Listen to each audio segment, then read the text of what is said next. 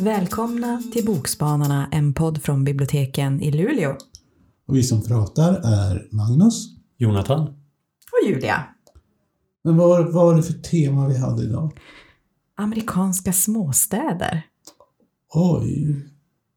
Hur tolkar man det? Det var Ja. ju faktiskt du som la det Det var ju det. Men det är en av mina favoritteman, eller man ska Mm. säga, både i film och all typ av kultur. Alltså att man kommer till den här, ofta är det ju skräckfilmer och så här, man kommer till en Mm. mysig småstad och sen urartar det med monster eller liksom ond bråd död.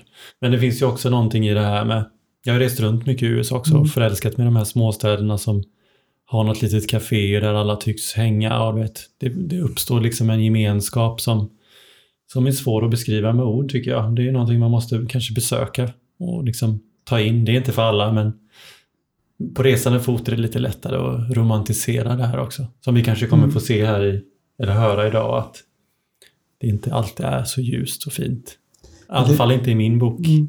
Jag tycker Disney, Walt Disney var ju också inspirerad av den amerikanska småstaden, alltså med mainstream USA, som han har försökt återskapa i Disneyland och Disney World.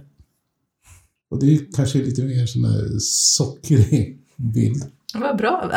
Det funkar bra att övergå till mig, för Ja. vad är mer småstan än en dröm om Hollywood, tänker jag. Kändisskap och pengar verkar vara det högsta man kan uppnå. Det jag har läst är eh, I'm glad my mom died av Jeanette McCurdy. Eh, som kom förra året och den ska faktiskt publiceras på svenska under 2023 med titeln Jag är glad att mamma dog.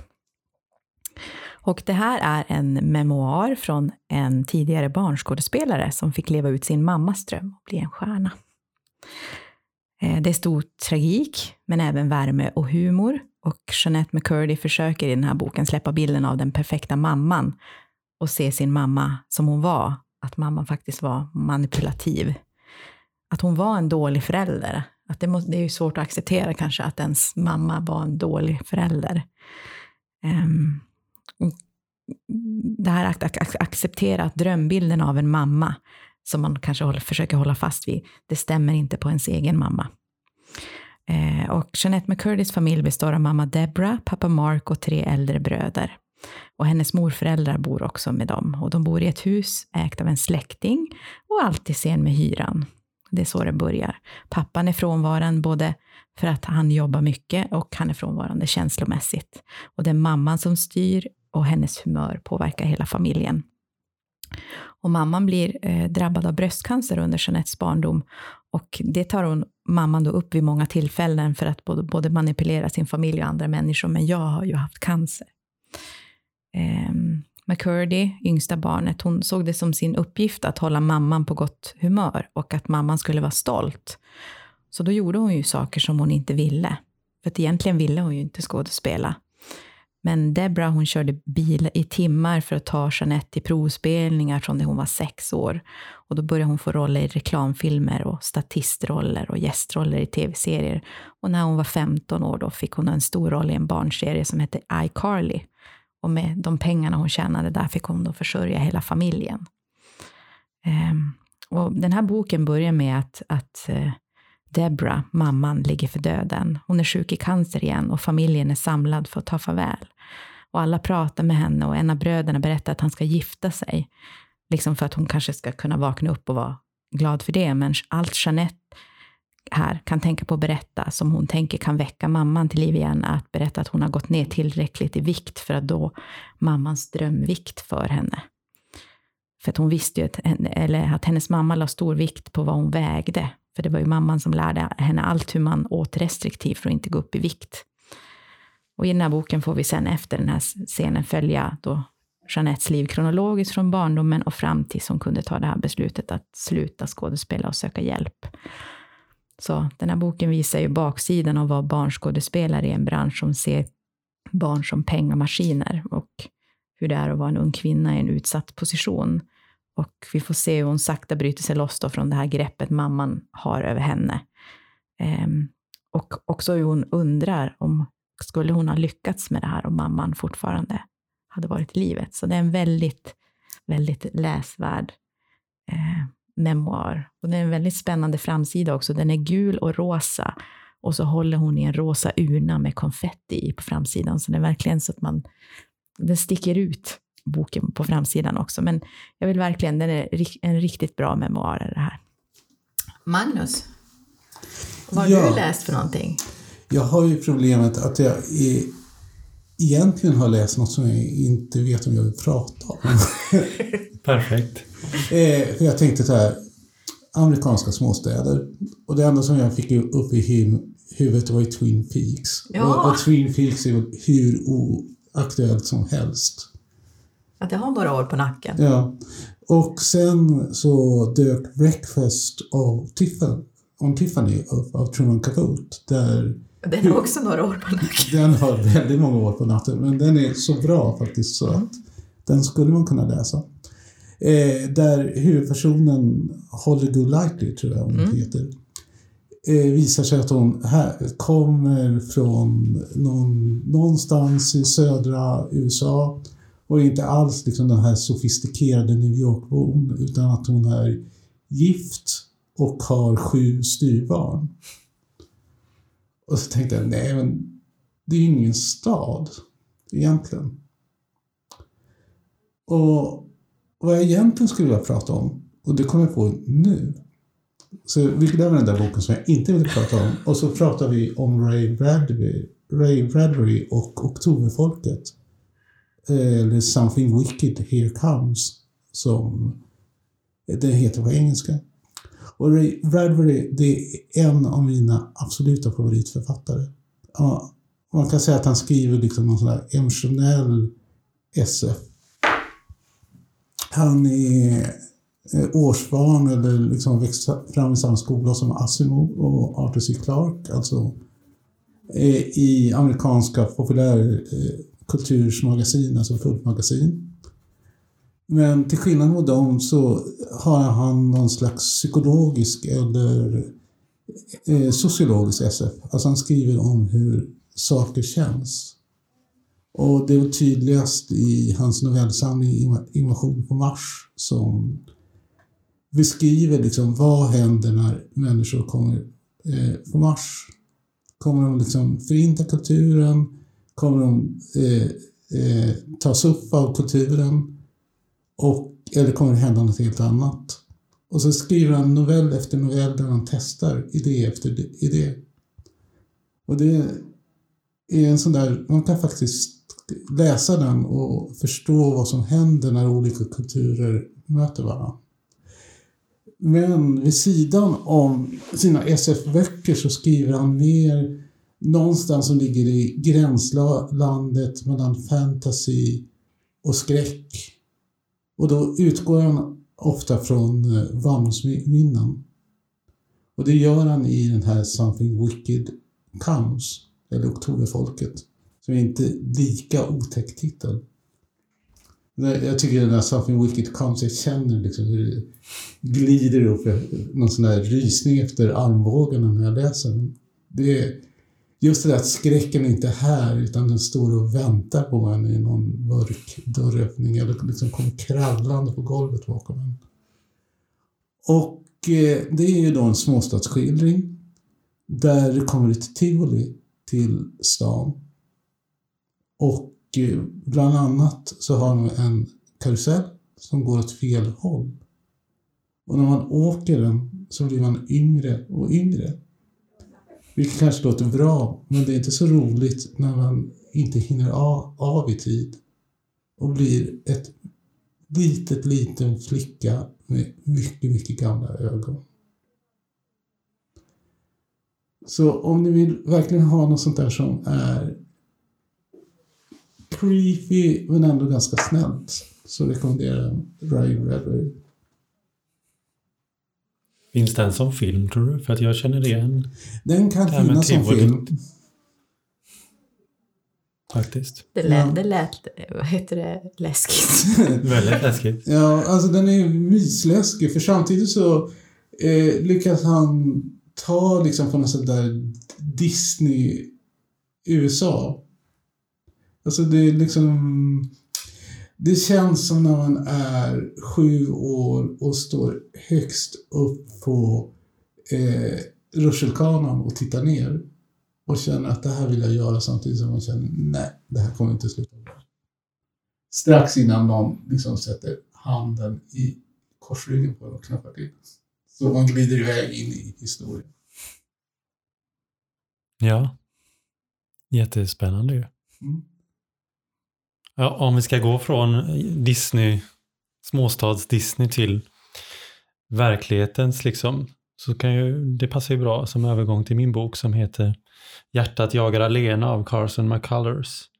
Som är en bok som utspelar sig under depressionen i USA. Så det är 1930-tal. Georgia någonstans. Eh, så att det är ju liksom misär både ekonomiskt och, och den här småstaden hankar väl sig fram och invånarna gör detsamma. Så att det sätter ju liksom premissen för hela historien. Men där får vi i alla fall följa Singer då som är en eh, dövstum person som har en bästa vän som heter Spiros. Han är också dövstum så de har liksom hittat varandra i det och det faktumet har vi gjort att de har kommit varandra väldigt nära. Men av olika anledningar eh, så, så tvingas Spiros in på sjukhus och sen läggs han in på mentalsjukhus. Vilket gör att Singer blir väldigt ensam. Och som titeln eh, talar om för oss läsare, så Hjärtat jagar alena, så är det ju en bok om ensamhet och men att också hitta, hitta sin väg ur från den här isolationen. Och då får vi följa Singer då som han går runt i den här stan och liksom lever på gatorna. Han går till samma café varje dag och äter mat. Vilket också jag tycker är talande för en så här småstadsskildring att det finns ett café.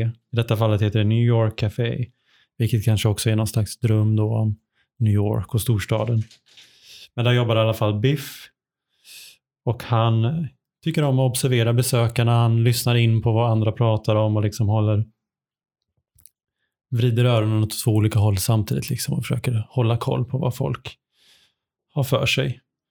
Och där kommer ju Singer in då varje dag, som sagt, och äter. Och det är där han får kontakt med stadens invånare. Och det är väl också en, en sak som jag tycker är talande för en småstad så att det finns, det kanske bara finns en eller två platser där alla samlas liksom och 30-talet jag kan se framför mig det liksom man går och tar en kopp kaffe på morgonen och man betalar liksom några cent för det eller något sånt där. Att det, den, här, den andra tiden som hon beskriver tycker jag hon fångar in väldigt bra. Så att staden blir inte bara en kuliss utan själva staden blir liksom en karaktär i själva boken, vilket jag tyckte väldigt mycket om. Eh, och han är Biff då som äger den här New York Café, han sörjer då, han har precis förlorat sin fru, han kommer inte bli pappa. Och han försöker väl leva med den här enklingsrollen då. Och tar väl liksom flykt i andra människors berättelser och tjuvlyssnar in på andras liv. Eh, Singer tvingas ju flytta då när han förlorar sin bästa kompis och flyttar in i ett stort hus där han träffar på en tjej som heter Mick. Och Mick är väl en sån här klassisk eh, person i en sån här bok som drömmer om något annat. Hon, hon lever för musiken, hon har massa låtar i sitt inre som hon vill liksom få ut ur världen, eller få ut till världen så. Så att hon drömmer ju om att musiken ska bli hennes värld, eller hennes väg ut till frihet. Eh, och, och hon hittar liksom Singer då. Trots att Singer inte hör och kan prata så har han ju lärt sig att läsa läppar. Och han liksom lyssnar mycket. Fast att han är, han är dövstum så att de pratar med honom men på något sätt så tyr de sig till honom och hittar liksom hans, hans värme på något sätt. Vilket ger de här karaktärerna hopp. Mick och Biff. Men han träffar också på en person som heter Copeland, en svart läkare som slits mellan att han är både läkare och de här akademiska, liksom, den akademiska karriären, men han är också svart, vilket gör att han, han hamnar liksom mitt emellan de vita och svarta i staden. För att det, det är ju 30-tal och det finns väldigt mycket motsättningar och som också lyfts fram i boken väldigt bra. Det är slagsmål och det är liksom motsättningar mellan de här två grupperna. Och Copeland tycker väldigt mycket om Karl Marx och ser upp till Karl Marx. Och han har till och med döpt ett av sina barn till Karl Marx. Och han tycker om att läsa och han drömmer ju då om det här att svarta ska få det bättre i USA. Men han vet inte riktigt hur. Och sen har vi väl en annan figur som är värd att lyfta fram i den stora berättelsen och det är Blaut som är, han dricker mycket och är full men han tys också till Singer. Och han älskar också Karl Marx men han har mer revolutionerande uppsyn och tror mer på att det måste hända någonting större och fort. Vilket gör att han uppfattas ju väldigt extrem. Och det gör att han blir väldigt isolerad. Att ingen vill riktigt ha med honom att göra. Det är både alkoholen, att han blir ganska våldsam när han dricker, men också de här ganska extrema tankarna om hur världen kan förändras. Så vi får följa de här personerna. Sakta men säkert tycker jag man liksom tappar lite Singer. Alltså Singer finns med, men de andra karaktärerna tar större och större plats i boken, vilket jag tyckte var bra för berättelsens skull. Att man via de här karaktärerna så utforskas liksom rasism och ensamhet, kapitalism. Men också det här viktiga kontakter mellan människor och liksom hur viktigt det är att bryta sig ur den här isolationen för att hur skadligt det är för människor att vara ensamma och liksom inte ha något sammanhang. Och jag, imponeras också väldigt mycket av språket. Den är skriven av Carson McCullers. Hon var bara 23 år när hon skrev den här boken och det är hennes debut. Så det, hon har blivit väldigt hyllad för det, att det var en väldigt omfångsrik och maffig debut så, som tar upp väldigt mycket viktiga frågor som, som jag kan se än idag när jag läser. Bland annat när Blout och Copeland diskuterar hur det, hur det, hur det då finns liksom hundratals företag, alltså det är hundra företag som har i stort sett köpt upp hela världen och så får vi andra slåss om smulorna och att det finns lite rester kvar då som sagt, men nu har vi egentligen bara två vägar framför oss, tänker de, och det är att fascism eller reformer av revolutionerande och permanenta slag. Och det kan man ju känna igen lite idag. Att vi har de här stora företagen som har tagit över världen och fascism som kanske växer fram starkare än någonsin och att det kanske krävs stora revolutionerande reformer så att säga för att förändra detta. Så det är väl det jag vill lyfta fram med den här fina boken som verkligen fångar in småstaden som jag var inne på. Så fångar de verkligen in småstaden också, att det blir en karaktär i boken. Mm. Och inte bara karaktärerna, utan staden lever verkligen och man får följa den genom vår och sommar och vinter. Och liksom väderomslagen blir viktiga också, vilket jag eh, gillar i böcker. Att man beskriver väder och vind och liksom fångar in omgivning väldigt mycket. Att stämningen är rätt. Liksom. Mm. Så att den har ju en mysighet med det här med kaféet och att alla sitter och umgås och man hittar varandra. Och, men i grunden är det ju mörker och misär. Mm. Som vi avslutar med. jag, jag hänger upp mig för det där när du säger café. Ska inte en amerikansk småstad ha en diner? Jo, det är en diner. Men jag tänkte ja. jag fick översätta det för men det är såklart en diner som är liksom, du har ju båsen och du har det här mm. kokheta kaffet och det, mm. det är många kaffekoppar som ryker och billig mat. Och, mm. och ska det finnas någon bakom disken som heter Sid och så ska det vara någon eh, servitris med någon sån där hög eh, vikhyffig frisyr som heter Rose. exakt. Och som, som säger Sweetie Pie. Och kallar alla för han. Och Sweetie Pie och... Ja. Och så äter alla körsbärspaj. Och pannkakor. Mm. Gärna tillsammans. Ja, That's the dream. Ja, eller hur. Ja, men nu till någon som ville lämna småstaden. Jag tipsade ju om I'm glad my mom died av Jeanette McCurdy. Eh, jag tipsade om Ray Bradburys Oktoberfolket. Men egentligen hade jag tänkt tipsa om en helt annan bok. Om ni vill ha reda på den så får ni mejla Bokspanan. Och jag tipsar om Carson McCullers Hjärtat jagar alena eller The, The Heart is a Lonely Hunter. Ja, mm. yeah. goodbye. Hej då. Hej då.